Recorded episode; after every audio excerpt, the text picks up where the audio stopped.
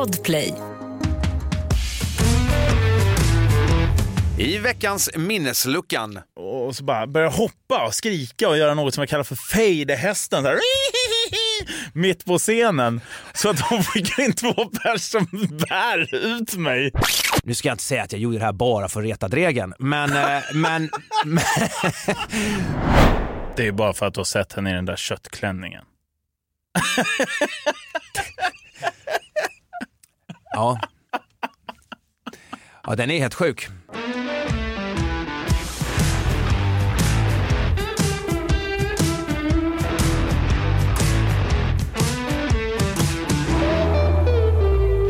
Välkomna till Minnesluckan med mig, Nicke Borg. Och mig, Janne Innanfors. Ja, känns våra namn bekanta så beror det på att vi båda är programledare på radiokanalen Rockklassiker. Det här är främst en samtals och nostalgipodd där vi varje avsnitt väljer ett nytt år som vi blickar tillbaka på och minns händelser och musik. Och sen har jag ju även mitt band Backyard Babies, vilket betyder att vi gör en hel del djupdykningar i min dysfunktionella karriär som rockstjärna. Så, så kan man säga, Janne. Ja, det kan man nog. Men nu, låt oss öppna en minneslucka. Janne, vart ska vi bege oss idag? Jo, men nu ska vi till en tid då Adele toppade listorna med Rolling in the Deep. Foo Fighters släppte sitt sjunde album Wasting Lights med grymma låtar såsom These Days och Walk.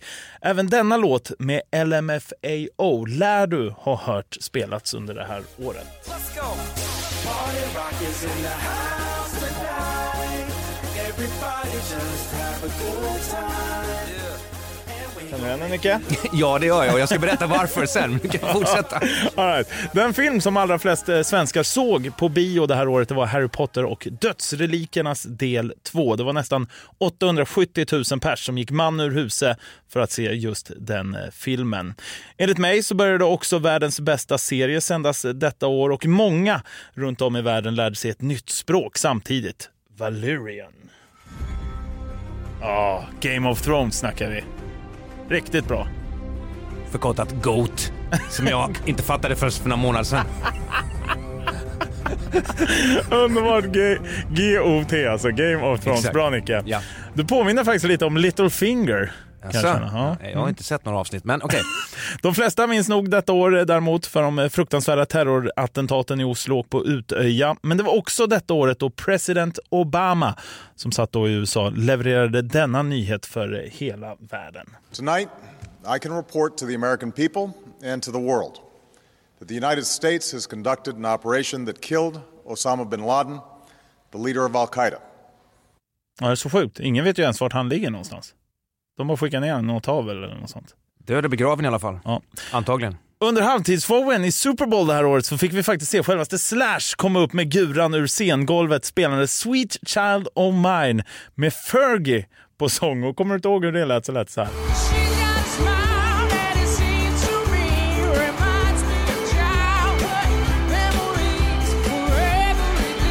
Lyssna nu.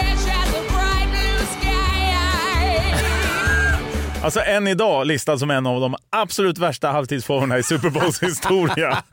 Årets julklapp blev en färdigpackad matkasse och Prince William gifte sig med Kate framför två miljarder tv-tittare. Popular med Erik Sade vann Melodifestivalen. Men framför allt, mina damer och herrar, så kunde inte den här mannen framför mig hålla undan sina små fingrar från Mello heller. Här hör du Nicke Borgs Leaving Home.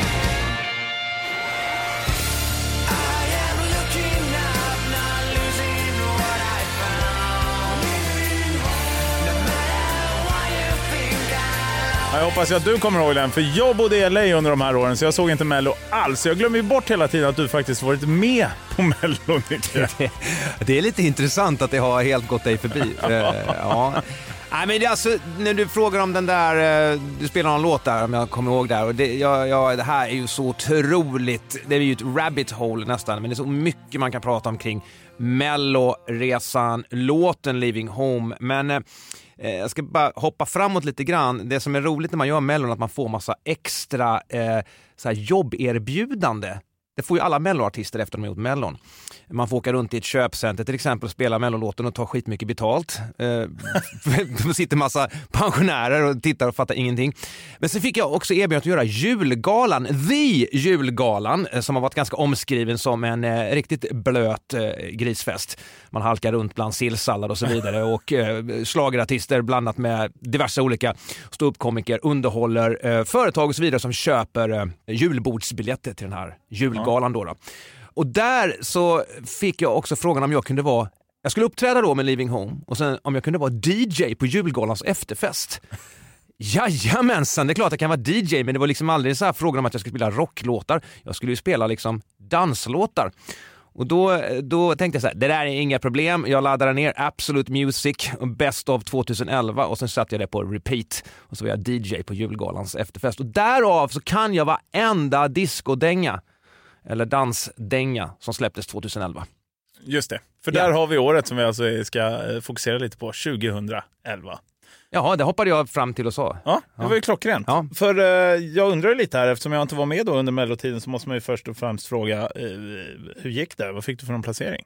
Ja, nej men det, det är ju, jag, jag hade liksom satt upp eh, efter att jag hade gjort, bestämt mig för att ta ett break ifrån mitt band Back Baby så att jag, att jag skulle prova att göra Melodifestivalen. Det är faktiskt Ola Salos fel. Eh, han, Från The han- Ark alltså? Ja, Ola Salo från The Ark. Han, eh, han grabbade tag i mig på något uteställe i Stockholm så här, några år tidigare då än, än 2011. Och, eh, ska, ska, för för de, de hade ju gjort Melodifestivalen, nu har de blivit superstora, eller var en stora ändå, knappast beroende av Mellon, Ola eller The Ark. Men de gjorde det i alla fall och han sa, ska inte, ska inte du göra Melodifestivalen? Det gick aldrig i livet. Men jag tror han sådde ett litet frö där ändå. Och sen så började den här eh, eh, idén om att göra Melodifestivalen. Men då var det faktiskt bara som låtskrivare. Det är det som är intressant med den här grejen. Så att om, vi- om vi börjar från början så satt jag på ett flyg hem från eh, Japan. Det här var året innan då, 2010. Vi hade gjort sista giget med Backyard Babies innan, innan eh, ett, ett långt break vi skulle ta då. då. Eh, ganska oskön stämning med tanke på att det var jag som kom på idén att vi skulle ta ett break. Och jag lyssnade på en gammal Social Distortion 50-talscover, jag kommer inte ens ihåg vad den hette. Eh, och, och därifrån föddes idén om, och, och då fick jag in- inspiration att skriva Leaving Home. Som jag hade tänkt att ge till Erik Grönvall. Jaha, Eh, för jag hade ju skrivit låtar till Erik Grönvall då, Erik som vann Idol och numera då, eh, sen varit sångare i Heat och nu i Ja. Skid Row såklart. The Erik Grönvall. Eh, då, eh, då skrev jag låtar till hans skiva, skulle jag skriva en riktig smashballad till. Men då var den redan liksom färdiginspelad den här skivan så den fick inte plats någon mer låt. Så den hängde bara i luften. För jag tänkte att Erik skulle göra Melodifestivalen med Leaving Home. Så vaknade jag en morgon och kom på idén att nu ringer jag Björkman själv och lägger fram förslaget. Ska jag inte göra Mellon själv? Och han blev ju då alldeles lyrisk. det är, så man går, det är så det går till alltså. Man, man skickar inte in, utan man ringer honom direkt och säger du, jag ska vara med. Jag ska vara med! Eh, tänk- Tänker mig att det går till på olika sätt. Eh, så gick det till för mig. Ja, det låter fuskigt som fan. Vi måste skicka in låten den vanliga vägen också. Ja, men där fick du en liten, en liten bakgrund till det. Och så måste jag säga i efterhand, otroligt roliga resan att göra Melodifestivalen. Jag kan inte tänka mig att det finns någon artist stor eller liten som har fått framgång eller inte som ändå inte kan titta tillbaks på sin medverkan och säga att det är rätt kul. Eh, Det blir ju som en, man kallar det ju inte för intet för mellobubbla. Alltså jag måste ju säga att det är jag känner lite att det, det, det gick inte så bra va? För det var ett långt utlägg för att komma fram till vilken placering du fick. Ja! Du försöker undvika den frågan, finns det, eller? hur, då finns det hur man vill, hur man vill eh, eh, förklara det här. Det gick jättebra. Direkt till final i en deltävling. Jaha. Ja. Men sen i finalen då, då, då hamnade jag på plats åtta tror jag det var. Men, men jag var ju fortfarande i en, eh, i en tid då de flesta artisterna i Melodifestivalens final faktiskt kunde få en viss framgång. Så att Leaving Home, lyssna här nu på Ja, tal jag om... måste gå in och kolla Ja, hur det såg ut. På- på tal om, eh, hur var du klädd och så då? Vad, vad Ja, hade för det kan vi också diskutera sen. Det var en, ett fruktansvärt misstag. var det det? Jag, jag, lä, jag, jag, var, jag lät min exfru styra i, i styling och det skulle jag inte gjort kanske. Är det därför du är exfru? Bland annat. Bland annat. Nej, men, nej men vad jag skulle säga var att Leaving Home vart faktiskt den sommaren, 2011, den näst eller tredje mest spelade låten på svensk radio över alla radiokanaler. På riktigt. Ja. Så att, ja, du har eh, kostymbrallor på dig. Ja, Klätt upp dig för mellofolket här. Ja. Ja. Jag, jag, jag var lite trött på... Slips. Jag var lite trött på den här rockgrejen som jag har kört i alla år. Jag ville göra någonting helt nytt, men man kan väl diskutera i efterhand den där eh, klä- klädvalet helt enkelt. Ja, men då gick det skitbra med andra ord. Ja men det gick, det gick skitbra och f- det, ro, det roliga när jag gjorde Melodifestivalen att jag hade liksom, jag levde i någon sorts eh, verklighet av att jag spelade i ett halvstort band, Backyard Babies, i, i Sverige, men efter att jag hade gjort Mellon. Då kom man ju åt alla de här, de här 70 procenten av svenskarna som inte liksom riktigt eh, eh, bryr sig om något annat, som bara sitter och tittar på Mellon till exempel. Helt plötsligt så hälsade sophämtarna på mig, det var eh, grannar som morsade på mig som hade sagt ett pip för att man har varit med i Melodifestivalen. Så då vart man lite folkkär där och så var det ut och göra tvättade din image. Ja.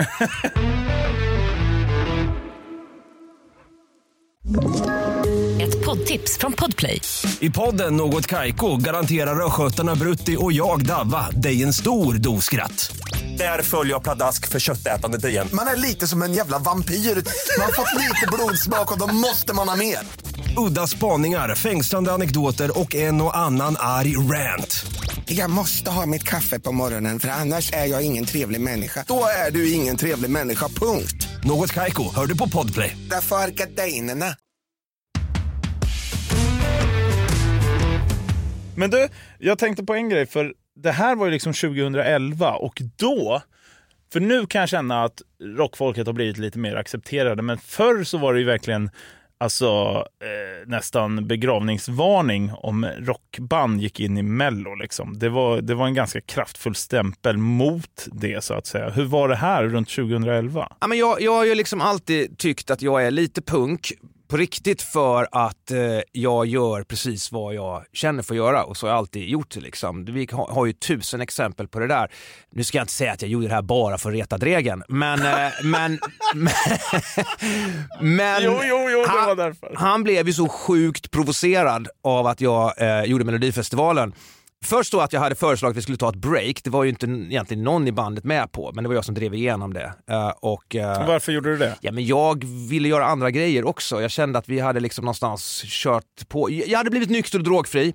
Jag kände att det fanns så mycket mer att göra än att bara harva runt år ut och år in på vägarna. Och vi, det gick ju liksom inte i, i supersnabb fart framåt i karriär utan vi stod ju lite still. Trampade vatten där med Backyard Babies eh, tyckte jag. Så att eh, eh, jag ville göra andra grejer helt enkelt. Och när jag då droppade den bomben, det, då kan du ju fatta, det tog ju hus i helvete liksom. Så han var ju tvungen att skriva av sig om det i sin bok. Åh, jävla... Jag vet inte vad det står exakt, eh, så jag kastade den boken. Men, men han skickade den på posten till mig. Den kan vara lite rå, skrev han. vad fan, man kan ju inte... Alltså på riktigt. Han skriver en självbiografi där han dissar mig och så skickar han den på posten signerat X. då, då har man fan ingen självdistans. Nej. Det är lite som Zlatan gjorde när LeBron James skickade han sin tröja så signade Zlatan den och skickade tillbaka Precis, den. exakt. Ja, ja. Narcissism heter det också. Ja, så att jag, jag kände att hela melloresan blev, det fanns en, en level till av att det var kul att provocera. Alltså ute i Europa är det väl liksom, ja det kanske finns några smutspunkare i Tyskland som tycker att Eurovision är, är, helt hemskt liksom. Men jag menar, där tittar man ju inte på det på det sättet. Men i Sverige, precis som du säger, så fanns det ju en lite grann, nej man kan inte göra mellon, då blir du stämplad som en melloartist. Det har ju visat sig vara helt fel. Det finns ju liksom sjukt många exempel på artister som varit med där det har inte betytt ett skit, eller har det gått superbra, eller så här, ingen bryr sig. Som exempel. Nej, nu har jag inga bra exempel. Men jag kan säga så här. Så. Hade jag inte gjort Mellon så hade Ralf Gyllenhammar inte fått fart på sin solokarriär. Nej, skämt åsido. Eh, Det är alltid Ola Salos fel igen. Eh, Mm. Det var han som fick mig att göra Mellon. Men eh, alltså, det är ju jättemånga artister som använder Melodifestivalen som ett, ett PR-trick idag, att, att få press. För det är ju supersvårt att, att slå igenom bruset generellt. Men jag måste bara flika in en grej till, jag kommer att tänka på det, för det vart ganska mycket tjafs det här är ju ändå 2011, sociala medier hade ju liksom inte börjat ta fart på det sättet med liksom fake news, spridning av, av skit i, i liksom blixtens hastighet. Men det var några som kommenterade att Dregen då, hur, kunde du, hur kan du snacka skit om din sångare som är med i Melodifestivalen i bok när din egen fru då, hans eh, ja, numera exfru då, Pernilla Andersson, var med i samma Melodifestivalen. Det där är min fru, jag skulle försvara henne om hon gick med i IS. Skriva, står det i pressen. Jag bara, ja, men intressant uttalande. Så det var roligt att provocera lite grann och nu idag så kan jag ju liksom se tillbaka på den här tiden, för nu har det ändå gått då x antal år med extremt mycket bara Alltså, jag, jag skämtar om det, jag driver med hela Mellon idag, med mig själv, men jag är också jävligt stolt för att det är en, du hörde ju själv nyss, det är en väldigt bra låt. Jag tänkte ju, det här gick ju inte alls som jag tänkte. Jag trodde ju att du skulle skämmas lite över det här liksom. Men du står ju stadigt med den här. Vi, vi får lyssna in den här.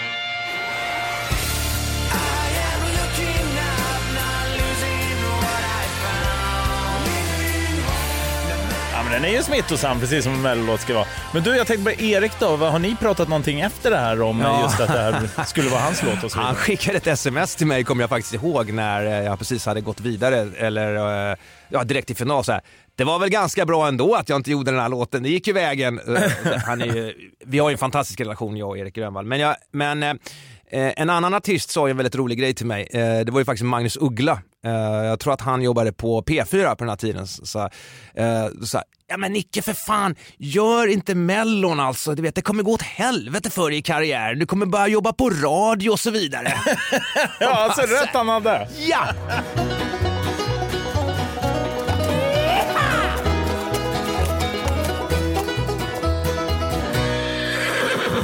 Ja, och i det här segmentet som vi har varje vecka i podden så ska vi då lite mer kolla vad som har hänt i veckan. Det är en liten lägesrapport helt enkelt. Och eftersom vi båda bor på gård som du förklarade tidigare Nicke så, så har vi döpt det till Hem till gården. Det är också ett klassiskt, eh, klassisk eh, sjukdomsserie höll jag på att kalla det för. För att när man pluggade och sånt så var det enda gången man såg Hem till gården, det var när man var sjuk. Kommer du ihåg 1972 tror jag första avsnittet? Ja, då fanns jag inte. Då Nej. Men det roliga, jag vill bara flika in först att min, min eh, kära bättre eh, hälft, min tjej Nea, hon kollar på något som heter Emmerdale. Det var först för ett litet tag sedan jag kom på att ja, det är Hem till gården. För jag tittar ju inte, jag bara, vad är det för jävla serie hon kollar på hela tiden? Ja, du kom ju på det nu eftersom Ja, vi skulle döpa det det, den går, går ju fortfarande. Nej, men, Men det är helt sjukt att hon kollar på det här. ja, Det finns, Ja. jag undrar hur många avsnitt det finns. Det finns ja, det måste ju, ja, jag, jag vet Det inte. har ju rullat så länge jag kan minnas. Nej, men jag kom på en ganska rolig grej som har hänt den här veckan och du bara skratta innan jag pratar om det. Jag har eh, äntligen fått upp ett plank med en stor gallergrind och där jag nu då har installerat en eh, video doorbell som det heter. Alltså en övervakningskamera som registrerar så här, rörelse eh, och jättebra night vision och så vidare. Det är sådana man ser lite så Youtube-klipp på när det är folk som är packade och kommer hem och plingar på. Så får man se när de... Ja. Ja, precis. Ja. Och så jag kan prata liksom med den personen som eh, ringer på Ja. nu. Det, liksom, det går ju på någon wifi. Och, men, och det är ju en annan historia när jag ska koppla ihop någonting med wifi. det, det, det, fy fan, riktiga bryt. Och du sa ju precis samma sak som min tjej sa. Vad fan ska du med den här till? Det kommer ju aldrig någon och hälsa på oss. Och då tänker jag så här, nej, det, det så här, en gång om året så kommer Postnord ringa på den här klockan och säga så här, var kan vi lägga paketet? Då kan jag trycka på eh, automatiskt svar. Lämna paketet utanför. Mm, Så, så det- då är jag jättenöjd alltså. Så det har jag hållit på med att installera den här eh, övervakningsvideo doorbell eh, grejen och eh, är sjukt nöjd alltså. Eh, hö, högupplöst eh, video kan titta på när eh, löven Fast, fast vad har det här med allting att göra? Alltså, börjar du bli lite så här eh, paranoid. paranoid nu när du flyttat ut på landet och det finns inte många och du tänker ingen ska komma innanför portarna? det är, det är en väldigt rolig vinkling på, jag, jag tror faktiskt det. Bor du mitt i smeten, jag bodde ju liksom inne mitt i Vasastan förut. Fullt ställd, det var skolor och du vet. Av en händelse bodde vi grannar under ett tag. Ja, det, det är också skumt alltså. Då, då är man ju så här, ja, men då har ju folk in på dig hela tiden och du bor i lägenheter, det är liksom grannar, du hör grannar hela tiden, varenda liten grej de gör. Jag bodde i ett ganska lyhört hus också. Kändes ju som de bovlade med möbler vissa eh, kvällar, mina grannar. Men eh, precis som du säger, så flyttar man ut på vischan, börjar bli någon jävla eremit. Och ju färre personer du kommer i kontakt med, desto, mer paranoid blir du. Så fort det dyker upp någon, alltså du ska se min tjej, hon bara, nu får du fan ge. När jag står liksom så här med någon eh, jävla kikare ut genom ett fönster, så här, då, är, då är det någon, någon bil som åker på en väg en bit ifrån. Den bilen har jag inte sett förut. Det är typ någon granne som har bara bytt bil liksom. Men, eh, Ja, men jag kan känna igen det lite också själv faktiskt. För att eh, hemma så, min sambo tillåter ju inte mig ha... Jag, vill ha Videoövervakning. jag har ju vapen hemma. Jag, jag har ingen det vill jag videoövervakning. också ha! Det vill jag också ha! Men det får jag inte ha för min tjej. Ja, Jag har en massa vapen, men de ligger ju såklart massa. inlåsta. Däremot så vill jag ha ett basebollträ bredvid sängen. Jag med. Men det, men det fick jag inte för tjejen eh, tyckte att det var jättekonstigt. Men jag bara, det kan vara bra att ha. Ja. ja. Så man blir fan nojig av att flytta ut på landet säkert. Men, men, men du hade ju besök, eh, det kom ju... Det var det jag skulle komma till, Ja. hänt i veckan här. Ja. Eh, för det, det är så lustigt, då, för först skrattade jag åt din övervakning här ju. Men eh, det ligger ju någonting i det. Jag satt ju hemma på lördagen och eh, sambon jobbade då på Solvalla och sen så var jag helt själv och hade varit det någon dag liksom. Och helt plötsligt knackade på dörren. Jag tänkte, vad fan, vem är det nu? Det är, lite, det är liksom helt oanmält. Så jag springer ut på toa som jag egentligen satt på och bara, vad fan är det som händer? och lilla pugghunden är ju där och börjar skälla som fan. Så är det två unga tjejer. Alltså vi bor ju mitt ute i ingenstans. Så jag tänkte, vad fan är det här? Nu har det hänt någonting. Typ. Ja. Alltså en trafikolycka. Ja, just det. Så jag öppnar ju dörren då och bara här, nej, då är det ju Jehovas vittnen förmodligen som står där. För att de hade så här, Åh, vem tror du styr världen och sånt. Jag bara, det, det är fan lördag, det är helg, jag tänker inte på sånt nu. Så bara, nej men, men eh, vad tror du på och sånt? Så bara, äh, ingen aning. Jag var så här chockad. Alltså jag stod där, jag tappade nästan liksom talförmågan för jag var så här chockad. Det kom folk hem, jag har ändå bott där i två år nu och det har inte kommit en jävel. Och sen helt plötsligt står det två stycken där unga tjejer och bara vad fan är det som pågår? Eh, men det visade sig att det var då, för det är väldigt många så här kyrkor runt omkring där i Sörmland. Liksom. Alla är lite frikyrkliga känns det som. Så att ehm, de går väl runt och knackar på, men det är lite sjukt alltså. Gå hem och knacka på och så är det efter pandemin och sånt. Har man börjat med det nu igen? Liksom? För det känns att folk är lite på sin vakt. Jag hade inte vågat skicka iväg min dotter om jag hade haft någon och knacka dörr ute på lantliga... Det, det är precis det här jag menar. Alltså innan jag hade den här grinden och det här planket, runt varje jävla halloween så stod de där, varenda grannunge. Och, du, och jag kan, kan ge dig fan på att jag satt också på toan så fort de kom och knackade. En gång per år står det ett gäng kids och jag bara "Äh, spring. Vad fan vill ni? Och så ska de ha eh, här godis eller bus. Nu får de ringa på på min video doorbell. Och då kan jag välja att trycka ett så här färdiginspelat meddelande eller så säger jag bara go away.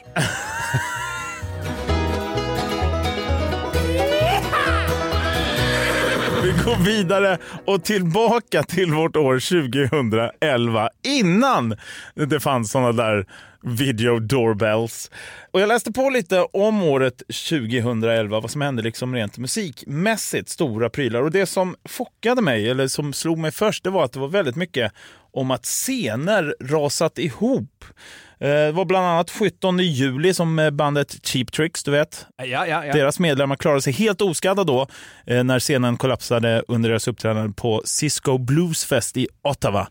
Och sen bara någon månad senare i augusti så var det fyra personer som omkom då en scen kollapsade när countryduon Sugarland uppträdde på en mässa i Indiana. Så det var liksom lite konstigt att det var väldigt mycket så här scener som rasat ihop och det har jag aldrig sett tidigare under något specifikt år. Så att där kommer väl frågan till dig som har lite mer scenvana än mig, Nicke. Har du liksom råkat ut för sådana här eh, grejer? Ja, det, det, för det första är det bara väldigt roligt att den grejen sticker ut. Eh, och, eh, men det har jag. Och tyvärr är det väl så att det händer väl alldeles för ofta. Jag tror å ena sidan är det brist på konstruktion, kanske slarv med scenbyggen. Det är flera festivalspelningar jag har varit på där man får eh, ställa in både liksom hela kvällar för att scenen håller inte för vind eller regn och så vidare. Och att det även rasar och fram. Och läktargrejer är hemskt när de rasar också. Men jag har ett specifikt minne ifrån eh, det här är ju en, en klubb i Borås. Eh, Det är alltid i Borås. det Ja, det är alltid i Borås det händer. Och jag har pratat om det här med någon person som berättar vad den hette den här klubben. Det har jag såklart glömt nu då, jag får väl ta reda på det sen. Eh, där spelade jag och mitt Backyard Babies eh, precis när vi hade slagit igenom någon gång runt eh, 98-99 kanske. Själva konsertlokalen var på en övervåning och det här var som ett gammalt trähus om jag inte minns helt fel. Eh, ganska så känt ställe. Alla band lirade på det här stället i Borås eh, när man var på väg liksom mot västkusten och göra gigs. Konsertlokalen är på övervåningen och på undervåningen är det eh, vanligt disco. Då då. Och eh, ja, Backyard Babies, vi har väl någon låt där vi hoppar liksom så här på publiken och hoppar i takt. Och då kommer det upp någon så här personal, springer och så skriker, får tag på vårat crew och så vidare. Och upp och säger, säg till bandet, de måste säga till publiken att sluta hoppa för att de, det börjat så här, taket så här börjar så här svikta eh, ser man liksom från, från, från nedervåningen då, de som dansar disco. Och det börjar så här komma eh, träbitar börjar ramla ner. Alltså tänk att ha då, vi säger att det var 500-600 pers kanske som var och tittade på Backyard Babies på övervåningen. Om de rasar ner tillsammans på 600 pers som dansar disco. Vilken katastrof! Ja, verkligen. Eh, jag tror att vi får publiken att sluta hoppa och det, det slutligen så här stänger de den övervåningen sen. Det går inte att ha eh, konsert eh, när det finns en risk för detta. Så att eh, det är det närmaste jag kommit eh, en katastrof. Som tur var så hände det aldrig. Men eh, visst, då, liksom scengolv som rasar samman, det är inget bra. Nej. Men, men har du trillat på scen och sånt? Ja. Ja, det har jag gjort också. Hur känns det då? Eh, nej men jag har ju inte gjort en Dave Grohl. Nej. Det kan man ju skoja om hur mycket som helst. Att nu, nu har ju Dave Grohl för alltid efter den här Ullevi-incidenten förstört för alla artister att ställa in gig om man är lite krasslig. Ja, ja. Du kan inte ens ställa in gig om du bryter benet. Då är det bara hit med en doktor, gipsa det live gärna inför publiken och sen kör vidare. Ja. Och sen... Eh, Och det, det var ju massa folk efter det som faktiskt också skadade sig som lånade hans lilla tron när de åkte ut på turné. grejer. Rose har ju lånat hans ja, tron. Dave Grohls throne. Nej men jag, har- jag, har, jag har trillat ner lite från olika scener men aldrig skadat mig sådär. Men, men, men vad säger du då? Alltså, försöker man skämta bort det eller skäms man och låtsas som ingenting? Eller? Man skämtar nog bort det om man inte slår sig för jävla mycket. jag, har, jag har ju ramlat så till den milda grad att jag, alltså, gitarrer har gått av. Liksom. Ah. Det, då är det inte så här, oh, ha, ha, ha, vad kul, så man, ens favoritgitarr har gått i två delar. Det, då är det inte läge att skämta kanske. Får man, uh, täcker försäkringen det? Det är för fråga. Eh, nu ska vi kontakta If om detta. Nu- Nej, jag vet faktiskt inte. Hej, vad gjorde du? Alltså, jag var full och snubblade på en sladd och bröt av en gitarr. Ja, men det heter ju drulleförsäkring, Ja, ja, ja. så det är klart Ja, du måste täcka klart. den. Ja. Ny säsong av Robinson på TV4 Play. Hetta, storm, hunger. Det har hela tiden varit en kamp. Nu är det blod och tårar. liksom. Fan händer just nu. Det. är Detta är inte okej. Robinson 2024, nu fucking kör vi! Streama söndag på TV4 Play. Ett poddtips från Podplay. I podden Något Kaiko garanterar östgötarna Brutti och jag, Davva, dig en stor dos skratt. Där följer jag pladask för köttätandet igen. Man är lite som en jävla vampyr. Man har fått lite blodsmak och då måste man ha mer. Udda spaningar, fängslande anekdoter och en och annan arg rant. Jag måste ha mitt kaffe på morgonen för annars är jag ingen trevlig människa. Då är du ingen trevlig människa, punkt. Något Kaiko, hör du på Podplay. Därför är gardinerna. Alltså jag har ju faktiskt varit nära på att förstöra en scen. Okej. Jag blev utslängd från en scen. Jag sa att jag bodde i, i Los Angeles under det här året och hade bott där i två år. Och, och jag lyckades ju till och med examinera mig där i Santa Monica College som det heter, där även Arnold Schwarzenegger eh, gick eh, faktiskt. Eh, och då fick man ju precis som i Sverige, inte ett utspring direkt, utan du går ju upp på en liksom scen, tar emot ett diplom med den här fula fyrkantiga blåa grejen. Hade du sån alltså? Ja, ja, ja, ja, ja. Och sen så här blå tunika. Eh, och jag som svensk tänkte jag att det här är lite som svenska studenten så jag börjar ju morgonen med en grogg liksom. och eh, morsan eh, hatar att flyga, man första gången flygit liksom över Atlanten för det här då. Eh, Så jag var ju astaggad och behövde några, liksom, eh, några glas i mig för att få på mig det där. Man såg för jävligt ut. Det här var ju den perioden jag var som mest slisig också. Jag hade långt svart stripigt hår, sminkad. För jag har bara sett bilder på dig just i den utstyrseln. Inte funny hat utan sleaze-utstyrseln. Exakt, ja. Och, men har du långt svart hår och, och har de där fyrkantiga mössan ser det för jävligt ut. I alla fall, så jag går ju upp där och jag är taggad, tar emot mitt diplom eller vad det är. Sen vänder jag mig till publiken för då sitter de ju längs en läktare, så här, en fotbollsläktare. Liksom. Ja. Och, och, fan, och så bara börjar jag hoppa och skrika och göra något som jag kallar för fade-hästen. så här, Mitt på scenen. Så att de fick in två pers som bär ut mig därifrån. För jag höll på liksom att hoppa sönder. Jag hade ju bott i LA i två år då, så jag vägde 110 pannor liksom efter alla burgare och allt skit man käkade där. Så att, eh, ja, det var, det var intressant att bli utslängd från sin egen examination. Men, men det gick bra i alla fall. Scenen gick inte sönder och det kunde fortgå som vanligt. Vad blev du när du gick ut? Eh, ja du, vad fan står det där jag, fick, jag fick ett diplom eller någonting. Så. Ja, men jag tog ju ett AA-degree som det heter i broadcasting. Ja, okej. Så, så jag fortsätter den linjen där. Men alltså det var så sjukt liv där nere. Alltså, det var verkligen, jag, jag levde lite on the edge. Det var massa konstiga grejer med så här, bilar. Alltså, för jag åkte in från Santa Monica ehm, som fattig student så får du däremot åka de här bussarna som ingen gör för det är bara massa crazy Ja, people det, på de där det. bussarna. Ja. Men det gör du som studerar för du har inte råd med något annat. Så det är in till Sunset Strip så går man ut där på klubbarna och kollar rockgrejen. Det var liksom, jag försökte återuppleva 80-talet som jag aldrig riktigt fick eh, uppleva med rocken där. Liksom. Det finns en rockscen fortfarande även om det inte är Oh, ja. samma sak som på 80-talet. Eh, Så jag var ju där liksom på Rainbow och firade mina födelsedagar och sånt och var där ganska ofta varje vecka ändå. Så att man behövde ju komma hem också. Och då eh, satte man sig alltid i lite obskyra bilar, och taxis och allt möjligt. Ubers, Uber som var så stort där då. Eh, och Jag har alltså flera konstiga grejer. Eh, en gång var det efter, var det någon som plockade upp mig och skulle köra mig hem då för 20 dollar eller något sånt, som är ett bra pris. Och sen så frågade jag liksom, do, do, you got a, do you got smoke man? Han bara, ja för fan visst, men jag kör lite längre fram. Så då stannar han längs med vägkanten och så går vi bak till eh, liksom, eh, trunken. Tänker, vad fan, har han cigg där liksom? Öppnar upp och då ser jag en Uzi, flera pistoler, stora påsar med gräs i och lite andra obskyra grejer. Och så bara, nej nej. Då fattar jag att den här snubben trodde jag, jag menar weed liksom.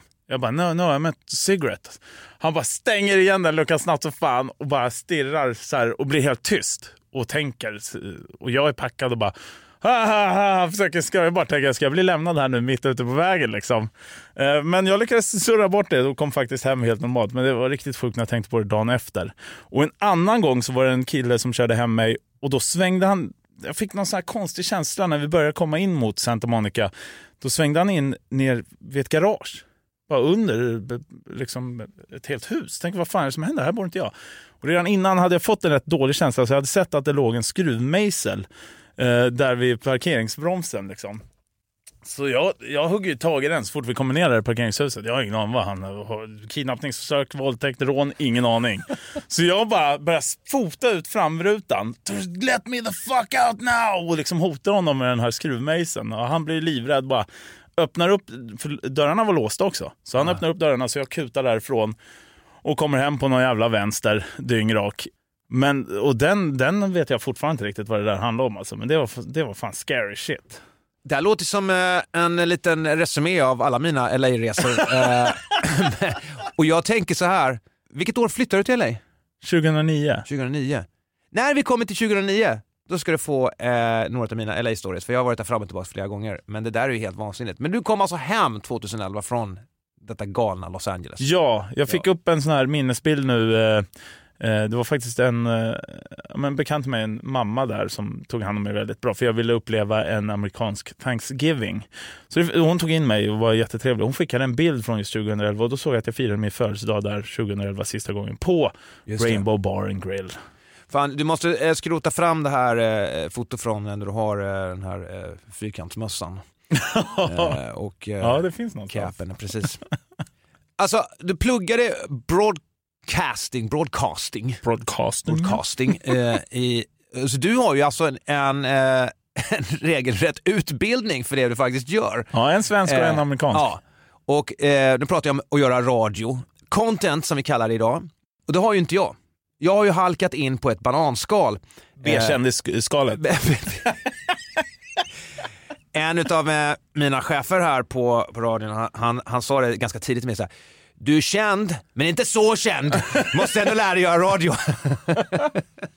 Nej men skämt åsido, det är så roligt för att du kom hem med det här i bagaget och 2011 så började jag jobba på radio. Så här var det faktiskt, och det här har ju med Mellon att göra också, det är jätteroligt. Jag äh, hade blivit kontaktad av Mattias Arvidsson som var då programchef på Bandit, denna rockkanal äh, i lokal i Stockholm. Och jag har ju liksom uttryckt flera gånger att jag tycker det är så kul med radio. Eh, alltid när jag blir intervjuad så tycker jag det är så jag, jag är mer bekväm i ett radioformat än, än framför en tv-kamera. Jag blir alltid lite stressad med en kamera i facet och så vidare. Och då säger den här Mattias Arvidsson, ska du inte prova att köra, eh, köra ett program liksom, en gång i veckan, en kväll, en kväll i veckan, Nicky Borg på, på bandet eller vad det nu hette. Din, din egen show liksom. Och jag blir så jäkla glad. Fy fasen, tänk att nu, jag ska äntligen få göra den här som jag har drömt om så länge, få göra radio. Och precis då i samband med detta så hade jag ju tackat ja till att Melodifestivalen.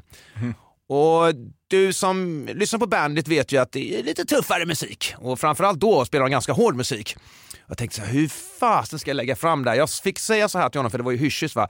Ja, jag kan, jag kan börja jobba eh, och köra en show på kvällarna men jag kan inte börja förrän i maj. För då vet jag hur det har gått i, äh, så fick jag inte säga mer.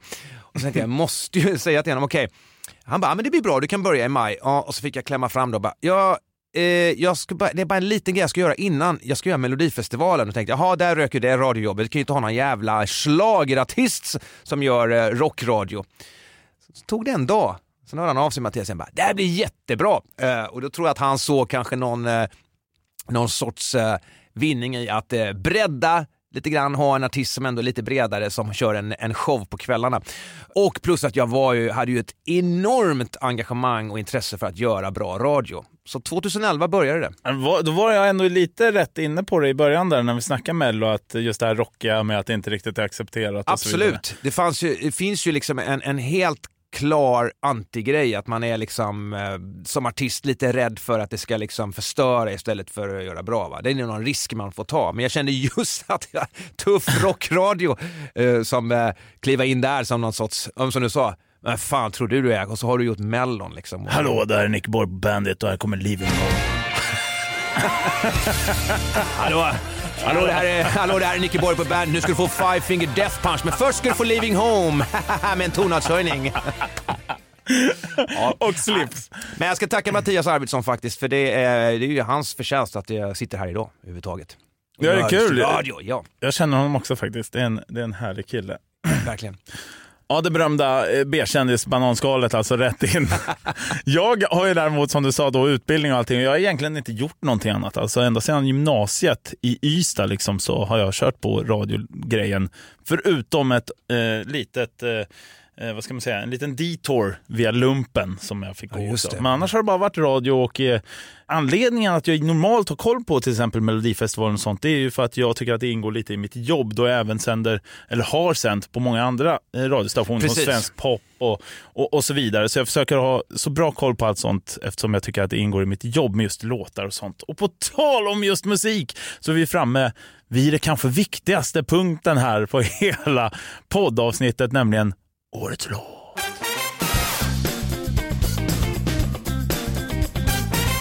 Och det är alltså här vi lyssnar in hela biblioteket för hela året så gott vi kan och väljer ut den låt vi tyckte var den absolut bästa som släpptes detta året. Och nu har vi alltså hamnat vid 2011, så inte så länge sedan ändå. Ja, det blir ändå fan 12-13 år, eller vad är det? det där är ju eh, en klassiker, att man tycker liksom att eh, det är inte så länge sedan det var 98, fast det var det Nej, men det är ju det, det är, ju, det är ett gäng år sedan ja. ändå.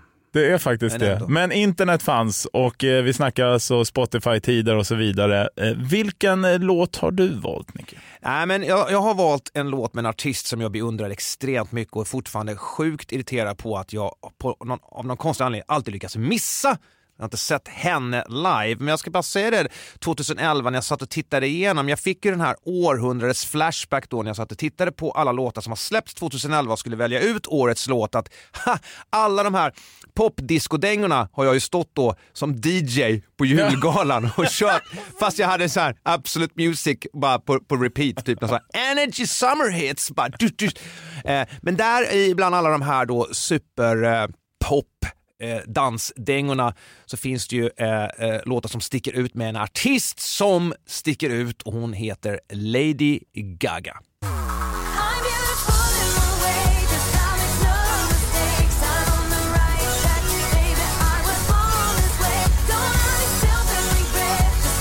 Born this way. Eh, titelspåret ifrån Lady Gagas andra platta. Eh, och man kan väl säga så här, förutom att jag eh, själv är då låtskrivare och eh, väldigt, eh, eh, men jag beundrar artister som skriver musiken själva, spelar instrumenten själva. Man har sett Lady Gaga spela piano till exempel, hon bara gör pianoversioner av sina låtar, så jag får ju gåshud nu när jag bara, bara pratar om det. Eh, hon är en sån fantastisk artist och eh, inte mer uh, vad hon står för och så vidare. Men, men här har du så här typexempel på vilken jäkla bra låt. Uh, och uh, för mig var det ganska självklart att det fick bli en Lady Gaga-låt. Uh, Born this way. Årets bästa låt 2011. Det är bara för att du har sett henne i den där köttklänningen. ja. Ja, den är helt sjuk. Ja, nej, men jag, jag har faktiskt inte valt Lady Gaga i alla fall. Utan jag har valt, ja men det här är kanske en liten bubblare. Det är nog inte alla som känner till den här, för den här står i Los Angeles just då. Eh, så jag vet inte riktigt hur mycket det slog liksom här i Sverige. Men där borta så påminner den väldigt mycket om eh, tiden eh, och spelades en hel del då också. Och som jag sa så levde jag lite på gränsen alltså mellan liv och död där borta i Los Angeles kändes det som. Och så jag har en sån här klockren bild från när jag har en Sverigetröja, Det står Sweden i ryggen och så står jag och pissar ner längs Grand Canyon. Det här är mellan, under tiden vi kör bil mellan Los Angeles till Texas fram och tillbaka. Det var också massa skumma grejer som Alltså hände. du gjorde det, det stod inte det på t-shirten, pissa längs Grand Canyon? Nej, Nej, du jag gjorde det, ja. men det stod Sweden på ryggen. Och jag är ju höjdrädd som fan, men vi hade ju druckit en del längs den där vägen så att det är helt sjukt att jag står där. Och ser, ser du att det är stuprakt rätt ner liksom. Grand Canyon. En sjuk bild, men eh, livsfarligt känner jag så här i efterhand. Och då har jag valt några som heter Hollywood Undead. Ah! Låten heter Bullet och eh, det är en jäkligt tuff, eh, alltså sorglig låt, men den är gjord liksom med en glad klang, vilket jag tycker är häftigt. Lyssna här.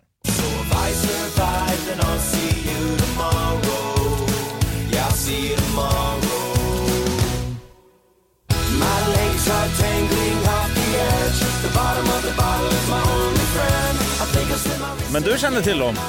Men vad fan, Hollywood Undead, sa du inte Ja, det? jo. Var inte det så här rap metal? Jo. Eh, det här är inget, är det här dem? Det är som en dansbandslåt. Nej, det kommer lite rap här efter. Ja, Okej, jag trodde det var mycket mera Slipknot eh, över de låtarna jag lyssnade på. Okej, det var lite mjäkigt, men eh, den, nej, den lå- låten var inte stor i Sverige. Nej. Eh, och jag, eh, jag, jag har ett andra låtar med Hollywood Undead, inte den där. Nej. Ja, de har blivit hårdare också tror jag. Ja, okej, faktiskt, okej. sen 2011. Men... Ja. Hade de inte de eh, sån ski masks och så här? Ja, Jag tror det. Ja, jo, det hade de. Föregå- föregångarna till Hoja. Exakt! Och med det sagt då så ska vi avrunda lite här nu och eh, Ja. helt enkelt fråga dig som lyssnar. Vilken låt tycker du är årets låt? Vad vill du att vi ska eh, dyka ner i för år framöver? Eh, Följ, kommentera och likea på Minnesluckan podd på Instagram. Så gör vi helt enkelt så här att vi eh, samlar ihop oss, för jag blir helt varm, och eh, funderar ut vad vi ska eh, sätta tänderna i för år nästa vecka. Man kanske tycker att det här är årets låt. Eh, eh, Det är faktiskt enda anledningen till varför man är med i Melodifestivalen. Det är för att man ska få göra en tonartshöjning någon jävla gång i karriären. Hur mycket stimpengar har du fått på den här då? Mer än eh, någon Backar Babies-låt i alla fall. Är det så? Ja. Jesus Christ. Ja, Jag måste anmäla mig till eh, Mello nu, så att eh, vi hörs igen nästa vecka. Tack.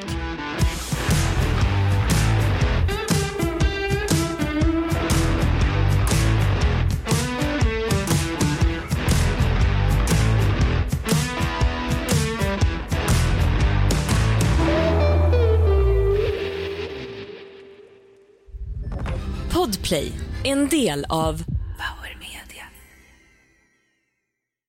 Ny säsong av Robinson på TV4 Play. Hetta, storm, hunger. Det har hela tiden varit en kamp.